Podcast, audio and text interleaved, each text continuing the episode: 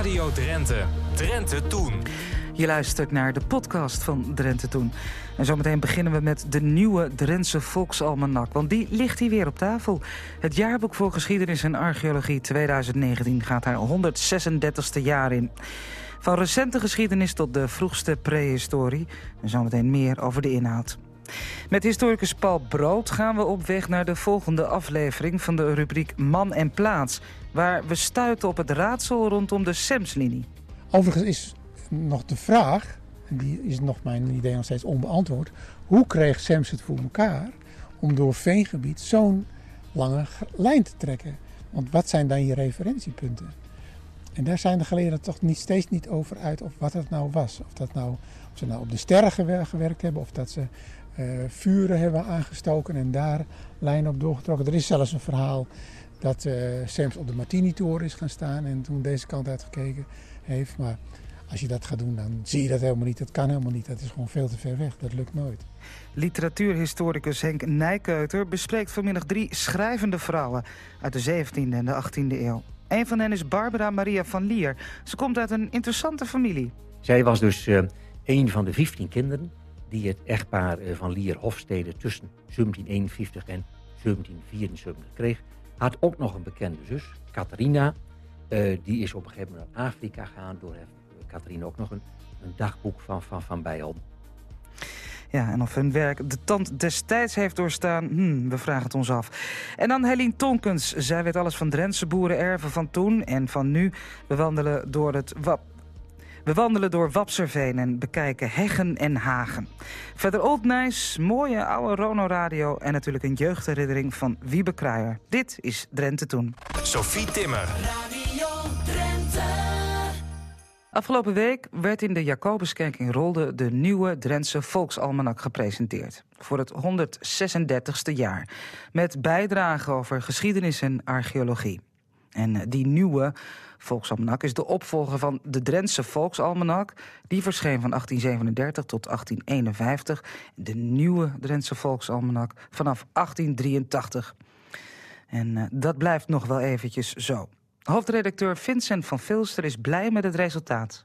Het is weer gelukt. Uh, het is als redactie ja, achter de schermen natuurlijk altijd wel even ja, gedurende het jaar hard werken. Maar nou ja, uiteindelijk uh, gaat het om het resultaat. Uh, daar doe je het voor en uh, hij ligt er weer en daar zijn we heel blij mee. Ja, voordat we het over de inhoud gaan hebben, um, refereer ik even aan een scheidend redacteur, Herma Greving.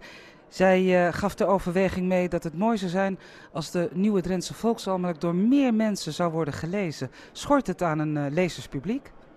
Nou ja, achter je wilt natuurlijk altijd meer, dat wil iedere vereniging. En uh, wij zijn als, als, stichting uh, Nieuwe Drentse Volksalmanak wil je natuurlijk ook zoveel mogelijk draagvlak en, en weerklank in de maatschappij hebben. Ja, dus uh, hoe meer, meer mensen, hoe beter. Maar op dit moment, ja, bedoel, het is vrij stabiel, constant. Dus we zijn niet ontevreden, maar het kan altijd beter. Hè?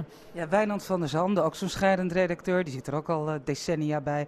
Die gaf nog ter overweging mee om de naam te veranderen. Want een almanak is het in de, in de, in de echte betekenis van het woord niet.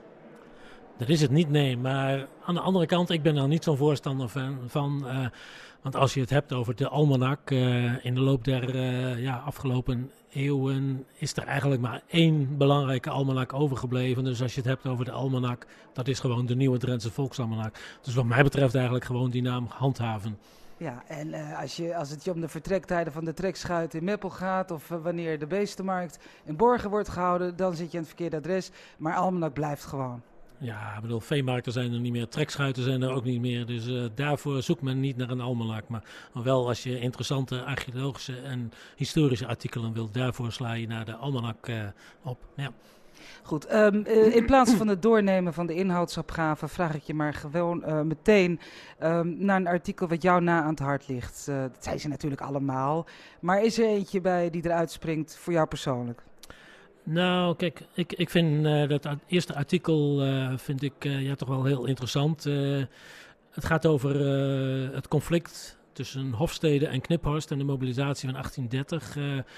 Nederland, Noordelijke Nederlanden hadden toen ja, wat meningsverschillen met de zuidelijke Nederlanden. We waren nog niet verenigd en Er werd een, de koning Willem I werd een algemene mobilisatie afgekondigd en dat had ook voor Drenthe zijn consequenties. En je merkt dan dat er in Drenthe heel anders tegenaan gekeken werd. Er was een, uh, ja, een intens verschil van mening tussen de gouverneur, Petrus Hofstede, en, uh, en de burgemeester uh, van Assen, Kniphorst. En ja, die hele ja, controverse daar.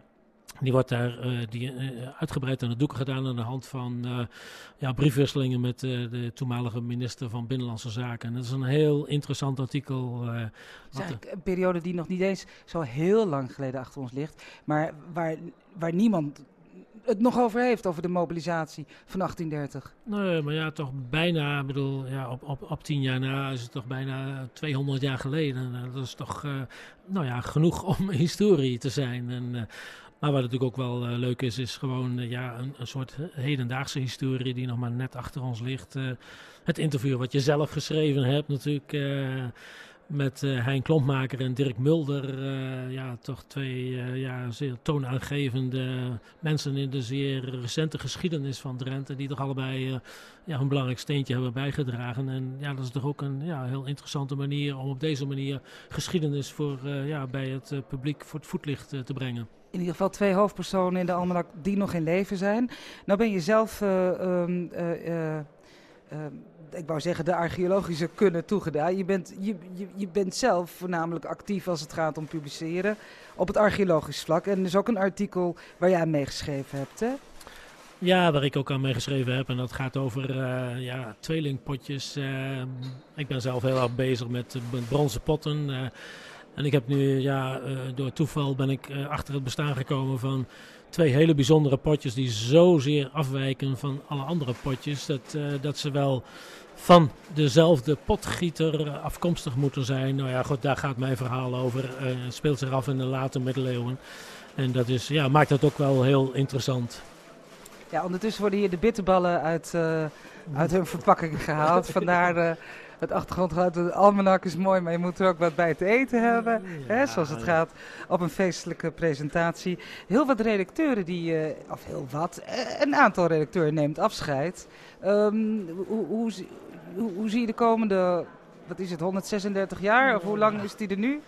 Ja, zoiets 136 jaar. Maar uh, we hebben, als je het vergelijkt, we hebben hem in de presentatie laten zien van de, de samenstelling van de redactie in 2016. Als je dat vergelijkt met de samenstelling van de redactie zoals die voor het komende jaar zal zijn, dan, uh, dan zijn er maar liefst uh, vier redacteuren weggevallen. En als je dat uitdrukt in jaren ervaring, dan valt er 85 jaar ervaring als redacteur van de Almanak weg. Uh, nou goed, je zou zeggen van dat is ja, toch heftig pijnlijden van de Almanak. Maar we hebben gelukkig heel veel nieuw jong bloed in de redactie gekregen. En, dus ik zie de toekomst met, met heel veel vertrouwen tegemoet. Wij gaan verder met de nieuwe Drentse Volksalmanak... die dus afgelopen week is gepresenteerd in de Jacobuskerk in Rolde. Ook aanwezig was archeoloog Wijnand van der Zande. Hij was jarenlang als redacteur betrokken bij de totstandkoming van de, de Volksalmanak. Maar hij schrijft er ook in. En samen met Wout Arendsen schreef hij in deze editie over de Valterbrug. Een vervolg op een eerder artikel afscheid nemen als redacteur, dat viel mee. Ik heb 30 jaar, meer dan 30 jaar gedaan. Dat is een mooie periode. Een tijd voor uh, nieuwe mensen, jonge mensen. Uh, maar ik blijf wel schrijven voor, uh, voor de Almanak. En dit jaar heb ik onder andere een stuk geschreven over, als opvolger van een artikel wat er vorig jaar ook in stond, over de Valterbrug. Ja, wat zo leuk is in het artikel is dat je mensen als het ware, ik zeg het nu even als, uh, als de niet-archeoloog, als de leek, als het ware over elkaar ziet rollenbollen van uh, de Valtenbrug. Is dat een Romeinse weg? Is het aangelegd door Germanen, door een volk van uh, nog oudere leeftijd, barbaren? En dan zie je eigenlijk ook hoe jouw voorgangers, Wijnand, als ik het zo mag zeggen, met die geschiedenis bezig waren, maar ook met elkaar.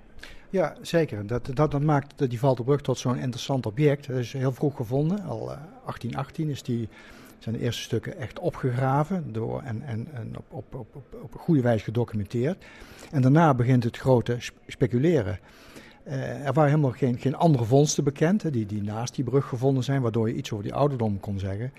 Dus er werd wild gespeculeerd over hoe oud die brug zou zijn. En die, die, schattingen uh, die varieerden van ver in de prehistorie, tot uh, dat die weg zou zijn aangelegd door, uh, door Bomme Berend. Nou heb ik ook de indruk dat, ik weet zo even niet, uh, oh ja, de, Jansen heet hij geloof ik.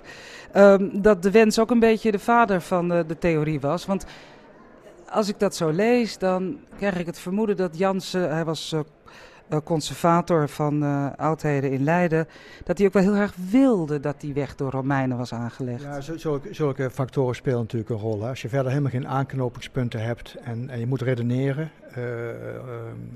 in dit geval logisch redeneren. Ja, als je vertrekpunt verkeerd is, dan kom je natuurlijk ook verkeerd uit. En bij hem was het inderdaad zo dat de wens de vader van de gedachte was. Nog even voor de duidelijkheid, die Valterbrug, dan moet je niet denken aan een brug over een watertje, maar dat is een aangelegde weg met, met, met houten planken als het ware. Ja, dat was een, uh, zover we het nu zien, was het een, een, een ongeveer 12 kilometer lange weg, die, van, die de Honsrug met Westerwolde, dat, dat zandeiland, verbond. Uh, planken van, van 3,5 tot soms 4 meter uh, lang. Nou, dat, dat, zijn, dat zijn er vele duizenden geweest. Dat is een, een, een klus geweest, het aanleg van die, van, van die weg, van formaat. En daar moeten heel veel mensen bij betrokken zijn geweest. Dat moet goed georganiseerd zijn, anders was dit niet gelukt. En uh, dat is eigenlijk altijd een beetje een ondergeschoven kindje geweest in, in de Drentse archeologie. Het is een, een uh, heel belangrijk monument. Maar omdat er zo weinig van opgegraven is, is, dat, ja, is, is het een beetje in de vergetelheid geraakt. En met deze historiografie, van, zetten ze op een rij wat mensen erover gedacht hebben. En hoe ze bij die conclusies kwamen, hopen we dat een beetje uit de vergetelheid te halen. Wat is er nog van over? Nou, dat is heel triest. Er zijn nog wat losse planken over. En eh, ex situ, dus, dus uh, niet in het veen, maar, maar erbuiten. Die liggen in het depot in Nuis.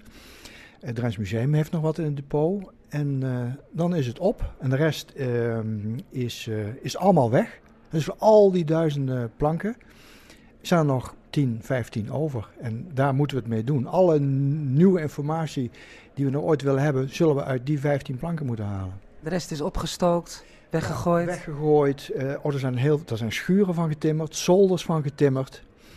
Uh, ja, het zou geweldig zijn als je nog, nog zo'n schuur zou aantreffen. Hè. Dat, dat, huid, dat hout kwam uit het veen, dat droogde en dat was keihard. Dus, uh, sommige stukken waren van eikenhout. En dat was prima timmerhout. En vandaar dat er ook nog schuren van gebouwd werden. Dus ja, stel je voor dat zo'n schuur er nog zou staan. Hè. Dat, ja, dat is natuurlijk ook wensdenken. Maar wat je dan allemaal nog te weten zou komen, dat zou geweldig zijn. Nou, weet je van zo'n schuur? Laat het ons dan weten. Dan maken wij Wijnand van de Zanden blij. Maar het zal wel niet. Goed. Uh, we mogen overigens een uh, exemplaar weggeven van de nieuwe Drentse Volksalmanak. Die verloten we, zoals te doen gebruikelijk. Stuur je maar een mailtje naar drentetoen.rtvdrente.nl. Tot slot gaan we nog even luisteren naar Jorn Seubers. Hij lanceerde samen met anderen een nieuwe techniek om voor te borduren als het ware op het onderzoek van Van Giffen. Albert Ergens van Giffen. Hij leefde van 1884 tot 1973 en hij was de archeoloog hier die zich uitvoerig met de hunebedden heeft beziggehouden. Hij had ook een bijnaam in Drenthe, het Spittetien. Jorn Seubers, verbonden aan de Rijksuniversiteit Groningen... schreef samen met Wijnand van der Zanden, die we zojuist al hoorden... en Remco Bronkhorst het artikel Van Giffen 2.0. Jorn, Van Giffen uh, 2.0, dat, uh, dat had je zonder Van Giffen dus niet kunnen doen? Nee, de, de, de, het startpunt is echt uh, de, de atlas van, uh, van Giffen uit 1927... met daarin tekeningen uit 1918 die van Giffen, uh, die, die een grote mate van vrijheid had als het ging om het bestuderen van hunebedden. Dat was eigenlijk zo'n beetje de enige, toch? Dat, dat was zijn eerste opdracht hè? Als, eh, als officiële, eh, als directeur van het Biologisch Archeologisch Instituut om de hunebedden te onderzoeken. Ja. Dat deed hij. Wat ik trouwens heel leuk vond, even tussendoor, is dat we die bomen om die hunebedden ook aan hem te danken hebben. Dat vertelde jij. Ja, hij had een, uh, een idee um, ook van de prehistorische vegetatie en hoe dus de hunebedden inderdaad uh, in het landschap ingepast uh, moesten worden. Dus als je op die oude foto's kijkt, dan zie je dat het, het landschap eigenlijk heel kaal is. En ter, terwijl tegenwoordig er heel veel begroeiing rondom de hunebedden is. Ja, er zijn heel veel hunebedden die je vanuit de lucht niet meer kunt zien. Ja, ja. en heel veel, Van Gif heeft heel veel bomen geplant, maar heel veel hunebedden lagen natuurlijk al in bosrijke omgeving. Goed, Van Giffen die heeft dit dus gedaan, heeft het bestudeerd, heeft zaken beschreven, getekend. En 2.0, dat is een computerprogramma dat dan weer teruggrijpt, ik vertel het maar als leek, op een, ook een hele oude uh, techniek, namelijk foto... Grammetrie. Fotogrammetrie. Ja, 2.0 is eigenlijk gewoon een, eh, een verwijzing naar dat we doen precies hetzelfde als van Giffen, namelijk een integrale uh, opname en documentatie van alle hunebedden van Nederland. Maar dus inderdaad met, met gebruik natuurlijk van hele moderne digitale technieken. Dus vandaar is het, uh, van GIF is dan 1.0 en wij zijn dan zeg maar de, de, nieuwe versie. Ja, maar dat fotogrammetrie, dat is helemaal niet zo modern. Nee, dat is een, uh, een techniek die inderdaad al bedacht is eigenlijk uh, tegelijk met, met de fotografie zelf. en dat, dat is, wordt onder andere ook gebruikt om, om hoogtekaarten te maken. Het, het gaat uit van het principe dat je, als je een object vastlegt vanuit verschillende hoeken, dat je dus in theorie kunt berekenen onder welke hoek dat object is vastgelegd. Dus het is een soort. En als je maar alle hoeken hebt, dan kun je dus berekenen waar punten zich in de ruimte bevinden. Uh, en heb je dus een 3D-opname. Ja, en daar kun je weer van alles mee. Je liet ons bij de presentatie een, uh, een kleine geprinte hunebedopstelling zien. Maar um, ja, is, is dat dan revolutionair? 3D-opnames van een hunebed? Komt dat niet al veel eerder? Uh, nee, het is niet zozeer revolutionair. Als dat, als, maar uh, we konden eerder natuurlijk al wel lasers scannen. Maar als je een heel hunebed wilt laser scannen, daar ben je echt uh, ontzettend lang mee bezig. om, de, om de goede dekking te krijgen. En dat is ook geprobeerd door het Archeologisch Instituut in Groningen. Daar zijn ze acht dagen bezig geweest met één hunebed. en het opmeten van de hunebedden is natuurlijk ook sinds 1918 niet meer gedaan. En de reden daarvoor is met, met name omdat, omdat ze ontzettend moeilijk op te meten zijn. Dus wat revolutionair is aan de techniek, is dat je echt in, een, in een, uur, een tijd, een uur lang fotograferen, dan heb je voldoende data om het hele hunebed met GPS-punten erbij uh, op tot, twee, tot een halve centimeter nauwkeurig uh, na te meten. Dus dat is, het is eigenlijk een, een manier om heel makkelijk meetgegevens in te winnen. En op die manier gebruiken we het in de archeologie en op die manier hebben we het dus ook in, voor de hunebedden toegepast. We zijn ongeveer 100 jaar verderop. Heeft Van Gif uh, fouten gemaakt? Kun jij dat zien? Of heeft hij het goed en correct uitgevoerd als jullie jullie bevindingen op die van hem leggen? Nou, die moet ik niet zozeer spreken in, in termen van fouten. Dus, uh, zijn tekeningen zijn, vrij schematisch, maar er zijn natuurlijk redenen voor. Omdat, nou ja, omdat elke steen uh, natuurlijk heel onregelmatig is en dat is ontzettend moeilijk om dat precies in te meten. je ziet af en toe dat de Noordpijl niet helemaal loodrecht naar het noorden wijst en dat soort dingen. Maar maar ja, het, het belangrijkste is dat de, de hunebedden zijn vastgelegd in 1918 voordat de meeste reconstructies hebben plaatsgevonden. Dus, uh, dus we kunnen eigenlijk helemaal niet meer vergelijken met, een, uh, met de situatie voor de reconstructie. De hunebedden die we nu hebben vastgelegd zijn dus echt wezenlijk verschillend van de tekeningen uit 1918. Denk je dat ze er over 100 jaar nog zo bij liggen? Uh, nou, er, gebeurt dus nog steeds best wel veel met hunebedden, dat veel mensen niet weten, maar dat, dat weet de pro provinciaal archeoloog wel. Zelfs, het, geloof ik, twee of drie jaar geleden moesten ze nog weer een steen herstellen. Want het, het, is, is gewoon sprake van vandalisme. En, uh, dus elke keer verandert er wel weer iets. En je ziet ook bij veel hunebedden ook dat er met ijzeren pennen ook stenen zijn vastgezet. om ze dus wat stabieler te maken. En, maar ik denk dat de, ja, het hunebedbeheer nu wel uh, op orde is. In, en dat iedereen ook wel precies weet wat de betekenis van die, van die monumenten is. Dus dat er uh, over het algemeen goed, uh, goed mee om wordt gesprongen. Aaldert, die begint vanmiddag zo'n 70 jaar geleden en leert zo het een en ander over de geschiedenis van Drenthe. Old Nijs. Ook in vroeger tijden was Old Nijs al populair. Want voor mij ligt de Drijnse en Azerkraan van 9 juli 1949 met een artikel over het Drenthe van toen. En het gaat over de markt in Burger. Toen men in de Franse tijd van zekere zijde probeerde in Borger een markt in te stellen, kon dit lang niet de goedkeuring wegdragen van de bevolking. Men had de Franse ideeën niet erg hoog en toen des morgens het eerste vee naar de markt werd gevoerd, per slot van rekening heeft niet iedereen een even sterk ontwikkeld nationaal gevoel, laden de boeren die dit niet konden verkroppen hun mestkarren vol en reden daarmede naar de markt, zodat de geuren van oliebollen, wafels en hanenpoten al spoedig vermengd waren met luchtjes die de animo van het kermisvieren nu niet bepaald aanmoedigden. Toen bleek dat de spontaneïteit bij de boeren voor de markt ontbrak, kon deze poging om van Borger een marktplaats van enige betekenis te maken wel als mislukt beschouwd worden.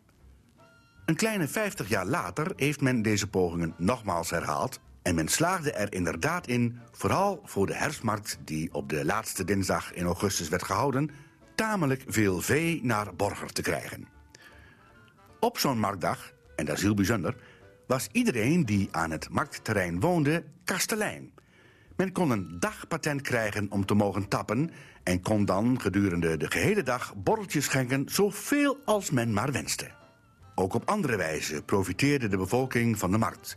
Men plaatste hekken op het marktterrein waarbinnen men voor 1 of 2 cent per stuk zijn aangevoerde schapen kon opbergen, terwijl de neringdoenden, vooral de bakkers, kraampjes inrichten om hun waar aan de man te brengen. De Borgerdermarkt had altijd een grote toeloop van pleziervolk en zodoende was aan dit gedeelte van de markt dan ook veel aandacht gewijd.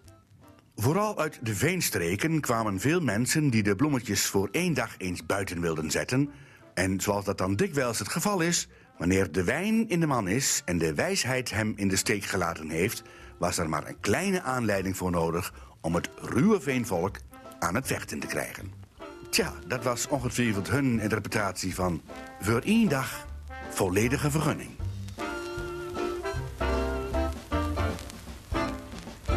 Aldert Oosterhuis. Radio Drenthe presenteert opnamen uit het archief. Ja, Aldert had het net over dat ruwe veenvolk. Nou, nog meer veen vanmiddag. Um, uh, veenvolk uit Nieuw-Weerdingen. We hebben het uh, archief doorgespit en we kwamen op een band uit 1972. In dat jaar bestaat Nieuw-Weerdingen 100 jaar.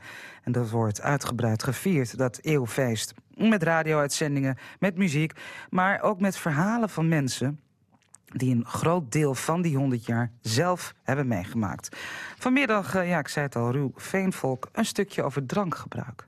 Wel in het veenmarkthef werd natuurlijk ook van de stille knip. Een stille knip, dat waren mensen die begonnen stille drank. Drank, stille drank. En dan kwam altijd een mooitje tegelijk. Ze waren net zo met een borreltje. Maar een mooitje, dat is een deciliter, dat weet je wel over dat er ongeveer is. En dan kwam altijd met een mooitje. En dat was gewoon van en bij de gewone arbeiders. Die deden dat erbij. Zo, Ja, en ook als ze van het waar kwamen, dan komen ze komen, kopen ze een mooitje. Nou, en wilden ze bij een bagelmachine, waar dan, dan zo'n borreltje kopen, of aan wat jorig. Dan gingen ze nog zo'n stille kniptouw. En dan hadden ze door een liter even weg. Hoe wist je wanneer dat een stille knip was? Ah, dat moest je altijd wel. Die worden altijd wel wat stille knip. Maar de ene niet wordt aan wel. stille die mensen aan drank te komen. Ja, dat mocht niet. Die mensen aan drank te komen, dat mochten ze niet doen. Dat was, dat was geboden. Als jullie pakken, dan kreeg je straf. En dan hadden ze bijvoorbeeld met Wiegrom. Er was, moest nachtwacht bij wezen. Als die dan, die mocht niet doorbrengen. Want dan, uh, dan zo'n zo'n bottenmolen bij liggen, zo'n zo'n bottenmolen moet draaien. En dan, uh, dat ben je ook grotendeels, dat ben we betoond maar geld, maar dat ben je allemaal gezopen. Dat ben je allemaal je leven verkocht. En dan kon ze in een, een half in de geleden erbij. dus ze, ze, ze hebben duizendheid. En het was allemaal, uh, waren mensen die waren niet zo los. dat kon, dat kon ze niet het was een bodem. Maar in geval, dat gewoon wel gezellig touw. Maar dat was wel het vochten. En op een vreselijke manier. Die was een... Ja, maar dan ga je de ronde keer aan het maken. Ja, dan waren de, waren de 33 aan het groom. En er waren ook 33 die vonden die spitten op. En dan waren de 33 stonden achter die vonden allemaal op. En die gooiden ze weg. Dat was een spitters in tussenokers en okers. Als je nou kijkt naar de mensen van tegenwoordig en van vroeger, wat vind je dan? Ja, en van tegenwoordig, nou, dat ken je, dat ken je ook wel, dat, dat, dat, dat, dat de tijd van tegenwoordig anders is dan vroeger. Ja? Van de boeleid, dat ze nou zeggen, ja, wie, ze lopen zondags, ze lopen nou door schoolmoeder, en vier zondags, dan kon die klaar, die kon wie nog niet krijgen. Die konden we nog niet krijgen, dat we groot waren dan niet.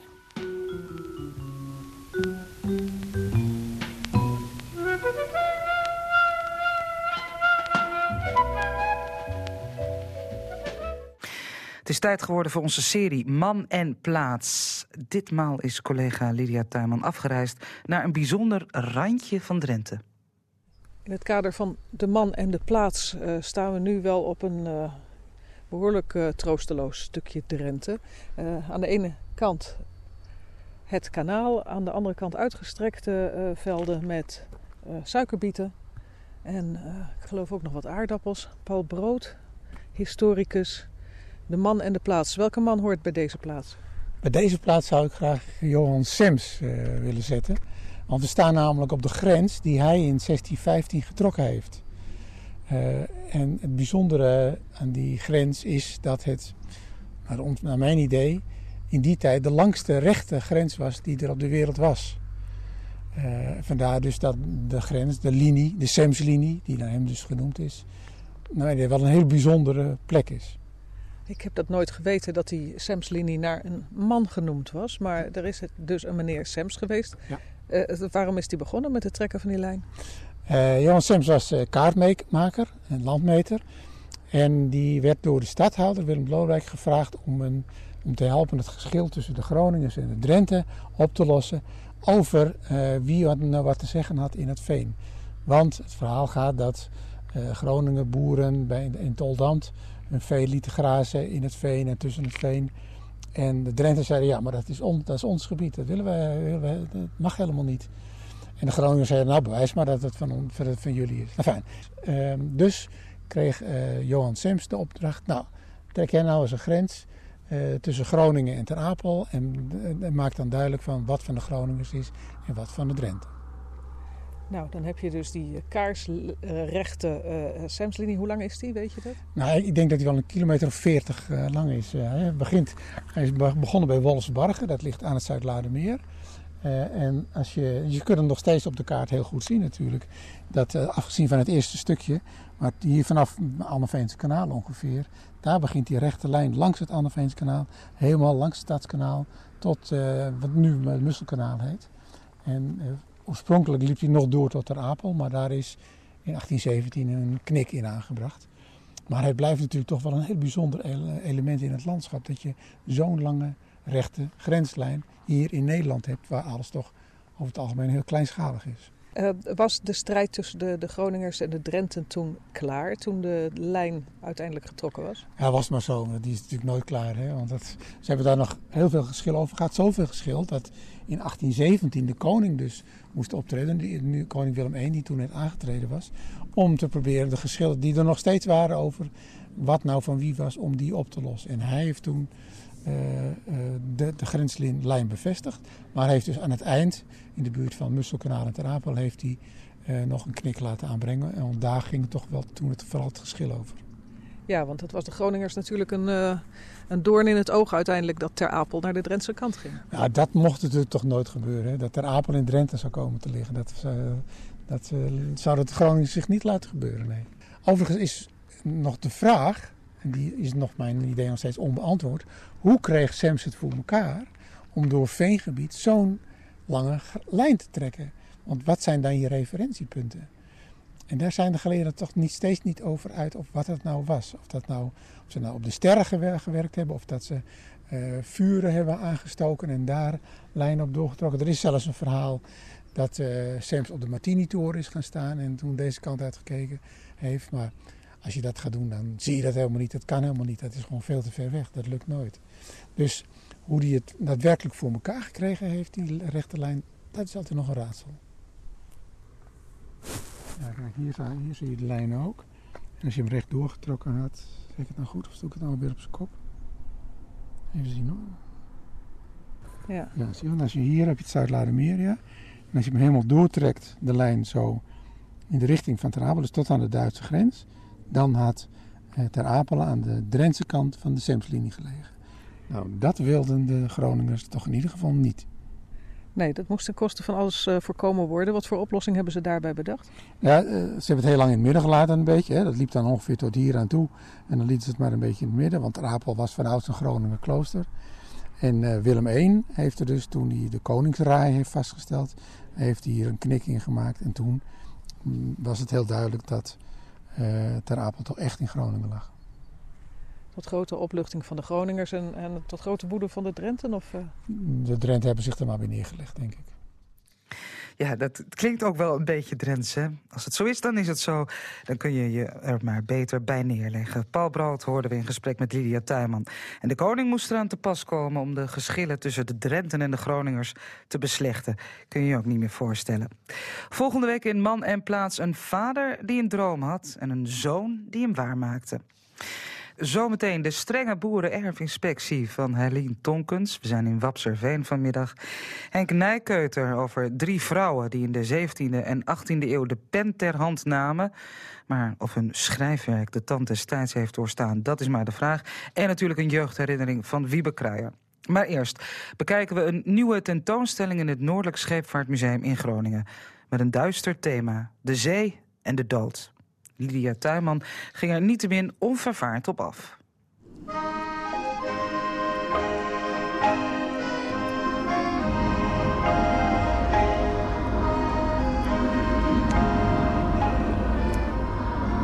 Onheilspellende geluiden en een kamer, een zaal vol met uh, onheilspellende wezens.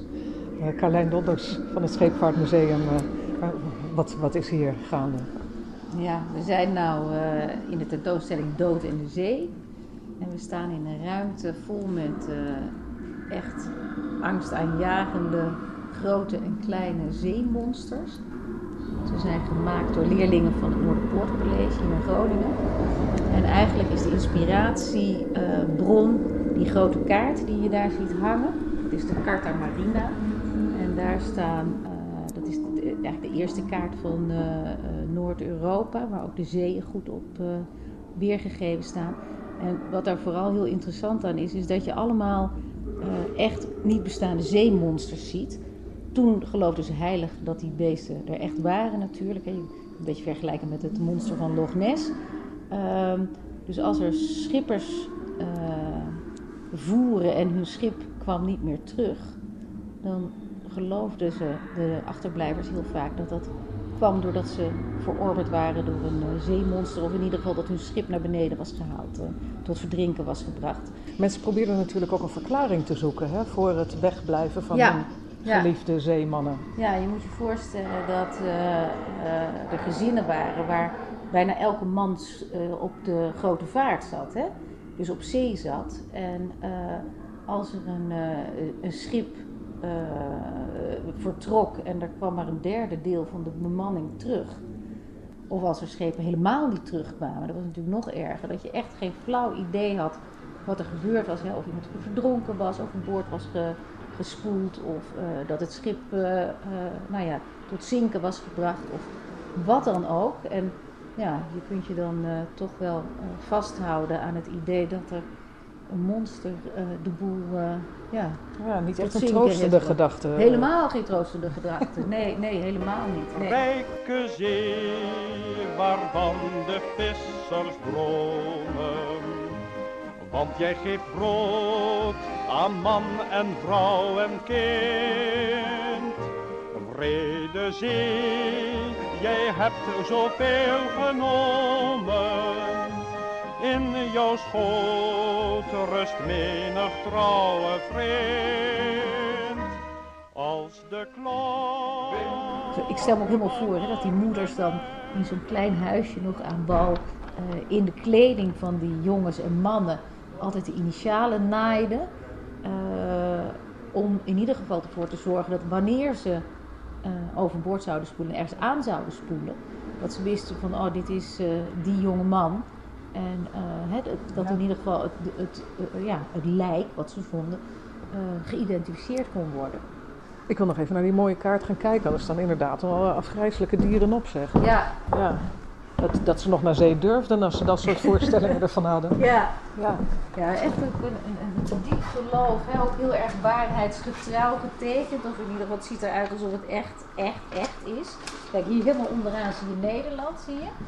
Ja. Hè? Uh, Friesland, Groningen staat erop waar we nu zijn. Uh, Emden. Ja. Uh, nou, je ziet er gewoon de grote uh, schepen natuurlijk weergegeven. En hier zie je, uh, nou ja, wat is het? Het lijkt een, een kruising tussen een, uh, een vis en een, uh, een draak. En hier zie je iemand in het water liggen die aangefroten wordt door vissen.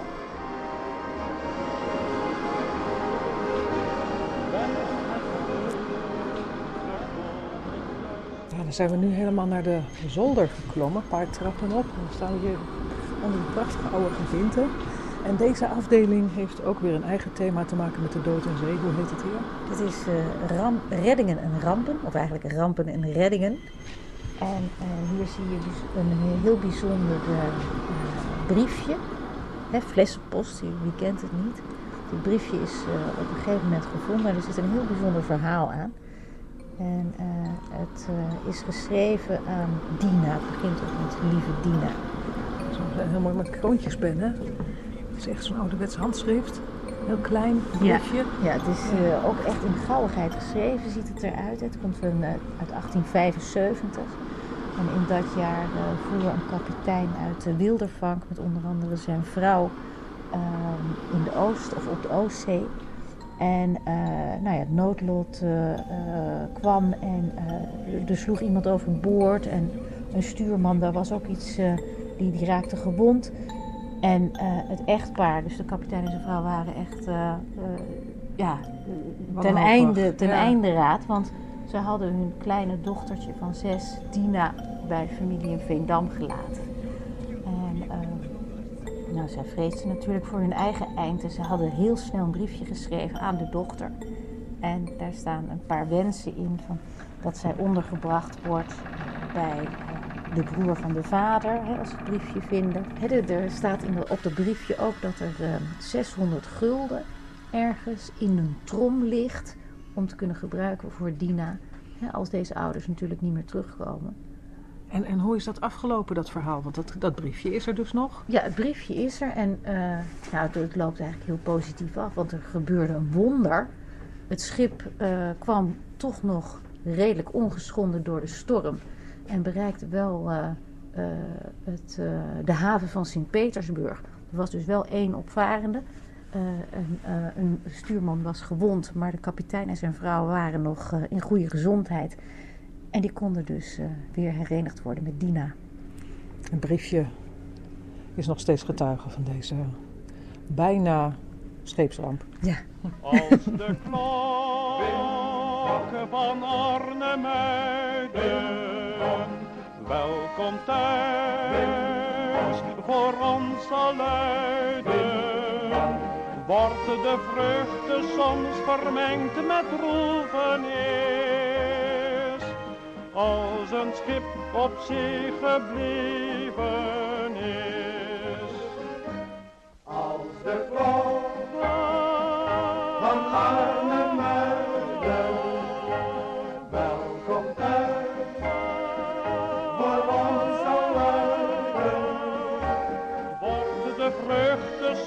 vermengd met. Als een schip op zee gebleven is. Ja, dat was eh, inhaken en meedijnen en meezingen op het eind. Wij, eh, wij in elk geval wel hier in de studio. De tentoonstelling De Dood en de Zee in het Noordelijk Scheepvaartmuseum is daar te zien en is gratis te zien tijdens het Winterwelvaartweekend in Groningen. Dat is van aanstaande vrijdag 20 tot en met zondag 22 december. En dat is sowieso de moeite waard. Met ruim 20 sfeervol verlichte historische schepen die aanmeren in de binnenstad van Groningen.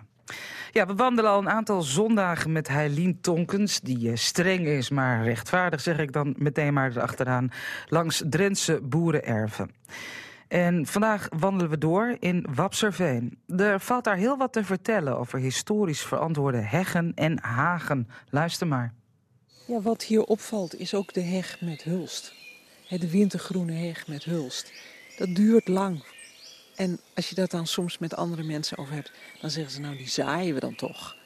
En het is ook vaak, dan heb je een hulstboom in de tuin, verzamelde zaailingen, je komt meestal veel tegen. En er zijn hier hagen van neergezet. Het, zijn dan, het is ook vaak dan dat jeugd haast heeft en de ouderen zeggen nou dan zaaien we dat toch. En hier zie je een stuk hulst en hiervoor zit nog eigenlijk een stuk buxus, wat op dezelfde hoogte is, wat meegeknipt wordt. We zien ineens een opening in de heg. Maar als we het erf op kijken, zien we dat deze opening gaat naar de voordeur. Maar het pad is er niet meer. Maar ik heb wel zo het uitzicht. Dus je kan ook zeggen, de heg is misschien anders te hoog. Hij moest maar weg. Of je had hem lager moeten doen om zo wel het uitzicht te hebben.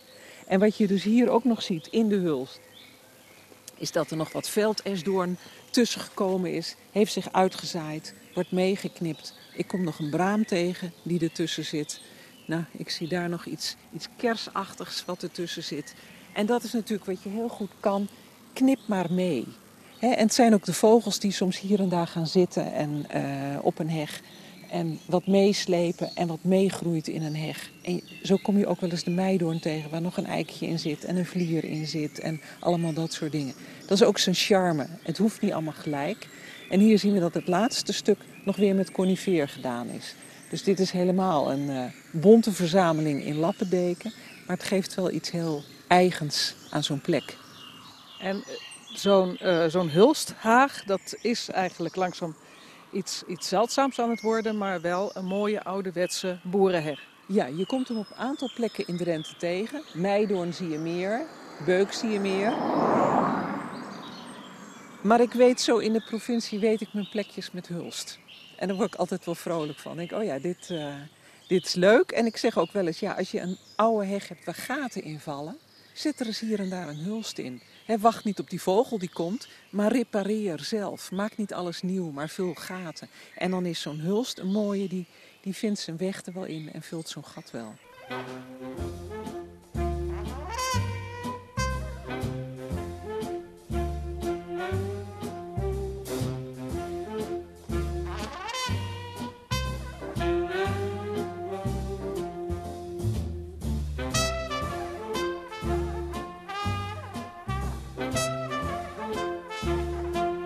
Rietgedekte boerderij, even uh, verderop in de straat bij uh, Wapserveen. Eileen Tonkens, uh, jij keek vol interesse naar de mooie lindenbomen die voor deze boerderij staan. Wat valt er over te vertellen? Nou, die lindenbomen die kwam je vaak tegen bij het woonhuis van de boerderij. En die hadden niet alleen zijn sierwaarde, maar ook een functie. En soms waren het losse lindenbomen die ver van de gevel stonden. Maar zoals hier zie je eigenlijk dat de lindenbomen vrij dicht bij de gevel staan. En als je goed omhoog kijkt, dan zie je dat er vrij hoog de kop uit de boom gehaald is. En het zijn eigenlijk knotlinders. En je ziet daar bovenop dat er allemaal staken als het ware omhoog gaan. Hieronder zitten ook wat zijtakken. En je ziet dat de mensen die in die boerderij wonen gewoon naar buiten kunnen kijken. Ze hebben zicht langs die stam. Maar die hoge kroon met dat blad zorgt dat de zon wordt tegengehouden. En de bomen staan op het zuiden. En wat je vandaag de dag ziet, is dat iedereen leilinders neerzet.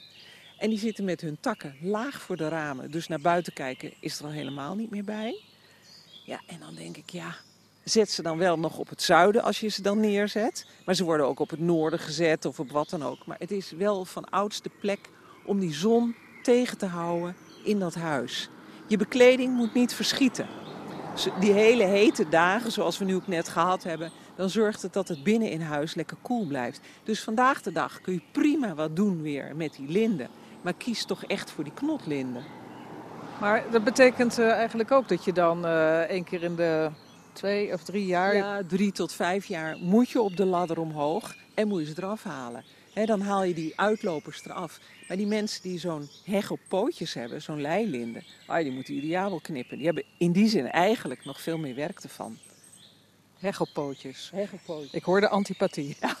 ja, ja, ja, ja. We hebben ook wel eens een actie gedaan. Bevrijd de leilinden.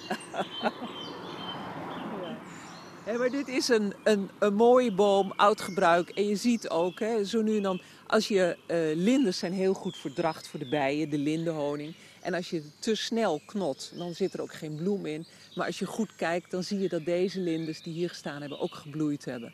Maar langzamerhand uh, komt er weer heel veel blad op. Dus wordt het weer tijd om te knotten. Als je langs de Drentse hoofdvaart komt, daar bij Smilde, dan zie je ook altijd in februari dat ze allemaal bezig zijn die knotten hier en daar weer terug te halen naar de oorspronkelijke hoogte. Maar je ziet gewoon, de knot van zo'n boom zit vele malen hoger dan dat lage heggetje op poten. Dus ook in de aankleding van een boerderij doet dit gewoon veel meer. Ja, dit is, zo, dit is een, een goed voorbeeld. Dit is zoals het hoort. Een heel mooi voorbeeld. En je vindt dus plekken dat ze op 75 centimeter soms van de gevel staan. Dan wordt het wel heel donker binnen en, en ook vochtig. En wij zeggen vandaag de dag, als je opnieuw aanplant, hou in ieder geval 2,5 meter aan dat je van die gevel af zit. Of misschien nog even iets verder.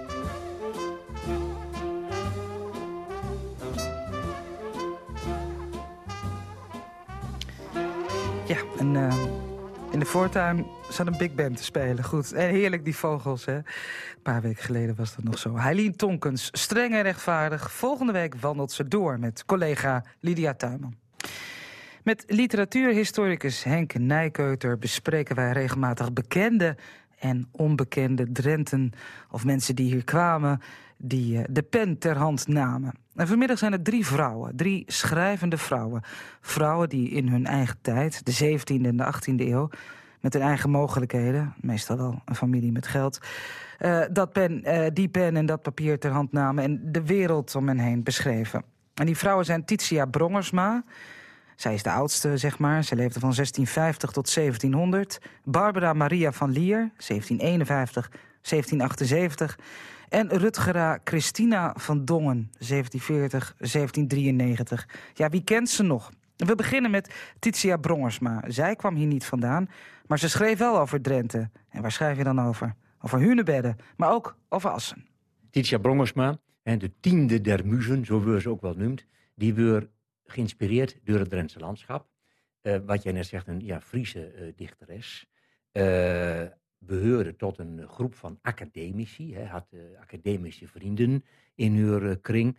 En een hele goede vriend van haar was Ludolf Smits. Ludolf Smits, daar heeft zij heel veel met, met, met correspondeerd en ook met schreven.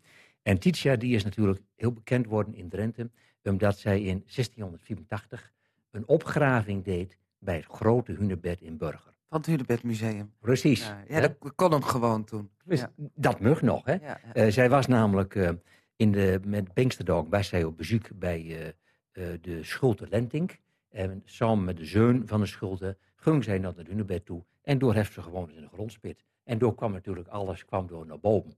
En dat heeft haar geïnspireerd tot een gedicht over ja, het grote hunebed van, van Drenthe lof op het hunebed of de ongemene opgestapelde steen op Torborger in Drenthe. En doorin uh, geeft zij ja, fantaseren. Eh, allemaal heel erg natuurlijk uh, klassiek, hè, zoals dat in die tijd was. En dat heeft zij opnummer, dat gedicht, ook in haar bekende bundel uh, De Bronzwaan of Mengelgedichtingen. Dat was ook rond zo'n 1684 is die bundel ook ja, verschenen. Ja. ja. Want ja, wij bespreken Drentse schrijvers. Eigenlijk hoort ze er niet, niet bij wat dat betreft. Ze is niet van, van, van uh, oorsprong een Drentse schrijver, maar ze heeft van over Drenthe geschreven. En dit bekende gedicht over het hunebed. En verder heeft ze ook nog uh, twee gedichten over Assen geschreven. Heel ja. klassikaal, hè, heel zwoer zoals dat nou aandoet. Hè. Over ja, de klassieke mythe, Griekse zanger Orpheus komt er in deur, die komt er in vuur die op zijn lier aan het spul moest. ja. Het waren nog eens tijden.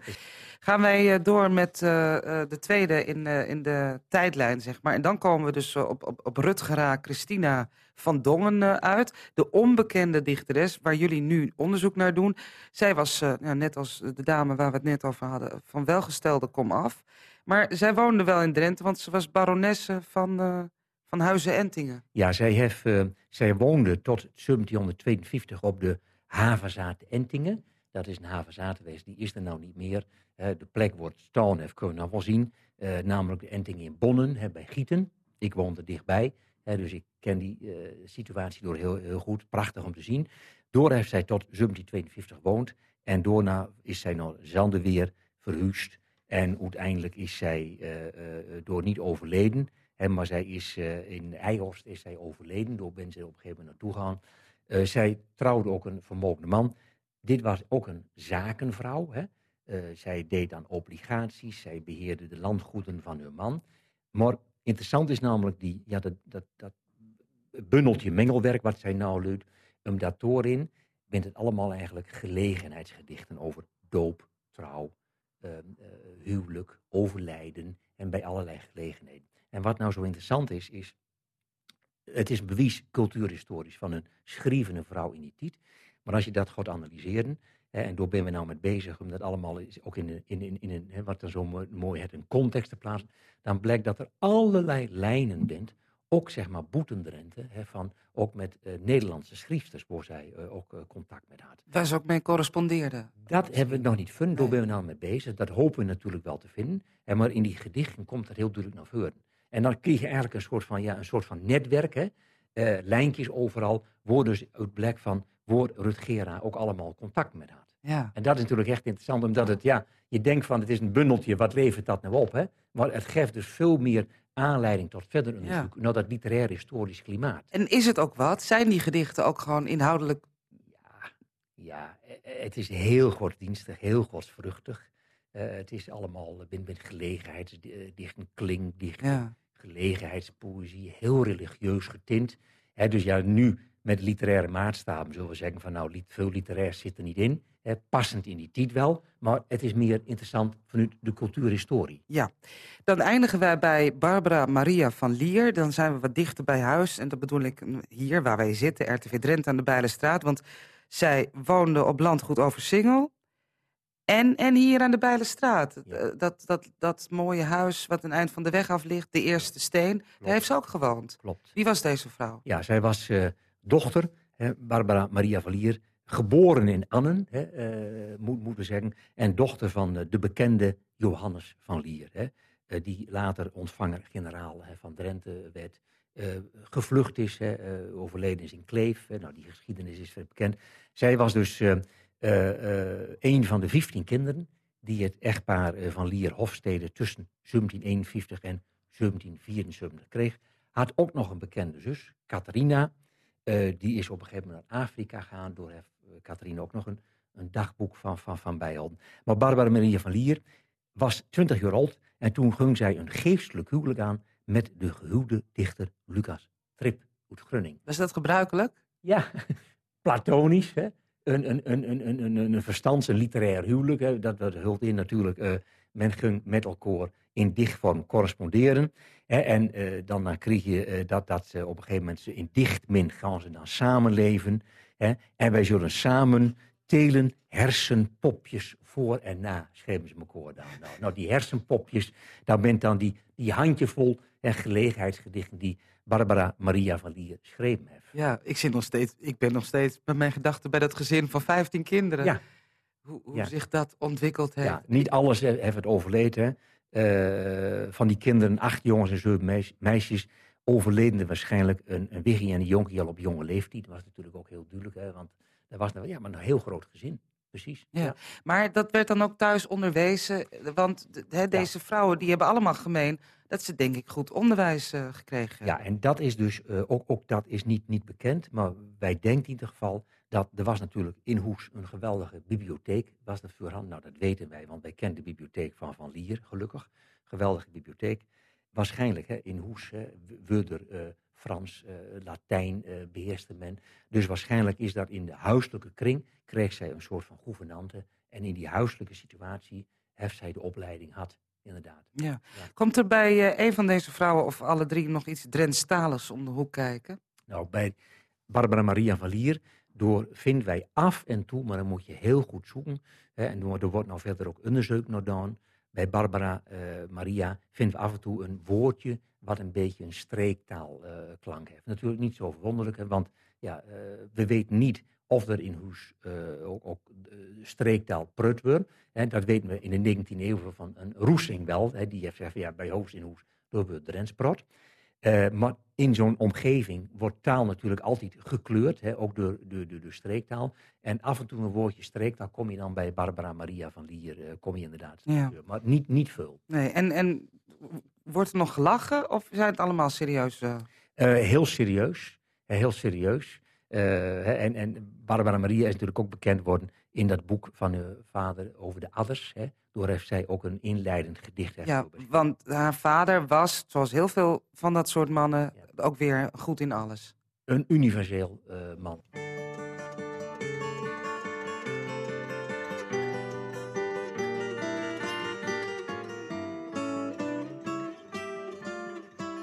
Met een aantal jonge bloemkwekers uit Eelde zijn Jacob en ik wel eens aan het eind van de jaren 40 meegeweest met een excursie naar Wiesmoor in Duitsland. De meeste bewoners van dit dorpje leefden al decennia lang direct of indirect van turfgraverij. Een grote machine rolde nu langzaam langs een hoge veenwand en sneed daar verticaal in grote plakken veen af, terwijl de machine aan de andere kant een eindeloze rij turven uitbraakte. Jaren geleden was dit ongetwijfeld allemaal nog handwerk geweest. De turf werd gebruikt voor het stoken van de grote elektriciteitscentrale, maar ook de ketels van een enorm kassencomplex werden meegestookt. En de turf werd ongetwijfeld ook nog als huisbrandstof gebruikt. In de kassen werden komkommers, tomaten, andere groenten en bloemen verbouwd en ook heel veel begonia's. Het hele dorp, en dat was eigenlijk voor een belangrijk deel het doel van deze excursie, was overal beplant en opgesierd met duizenden begonia's. Met deze aanpak hoopte men het toerisme naar het dorpje Wiesmoor te bevorderen. En dat had wat ons betreft dus succes.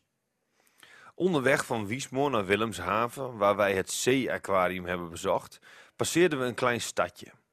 Het centrum van dit stadje was door oorlogsgeweld helemaal weggevaagd. Grote bergen puin torenden hoog boven de hier en daar nog zichtbare ruïnes uit. In het midden van deze troosteloze vlakte stond nog een twee verdieping tellend okerkleurig massief gebouw. En duidelijk was te zien dat er een of meer verdiepingen tussenuit waren gebombardeerd en dat de bovenste etage daardoor op de benedenverdieping was beland.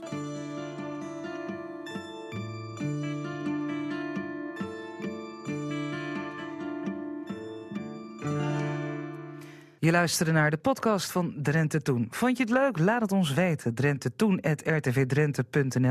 of geef ons gewoon zoveel mogelijk sterretjes. En luister ook eens naar de andere podcasts van RTV Drenthe. De Sportcast of die van Casata.